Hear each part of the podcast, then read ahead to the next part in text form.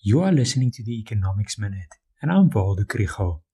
I'm very happy to conclude the week with some good news. Yesterday, President Ramaphosa announced that companies will be allowed to generate their own electricity up to 100 megawatts without the need for a license from NERSA. The limit was 1 megawatt.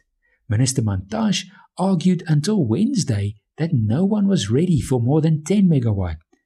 Business had hoped for a 50 megawatt limit, and then it was raised to 100. This is good news in several ways. It is the beginning of the true liberalization of the energy market.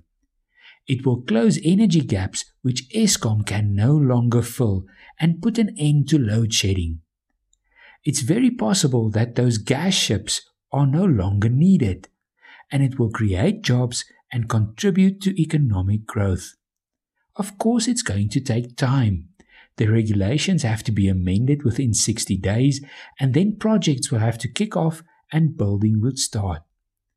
But the most important thing is that it looks finally like the president wants to make some decisions. We can just all hope that this is the start of the reforms we need. If you want to learn more about the economy, follow the Econ 101 page on Facebook.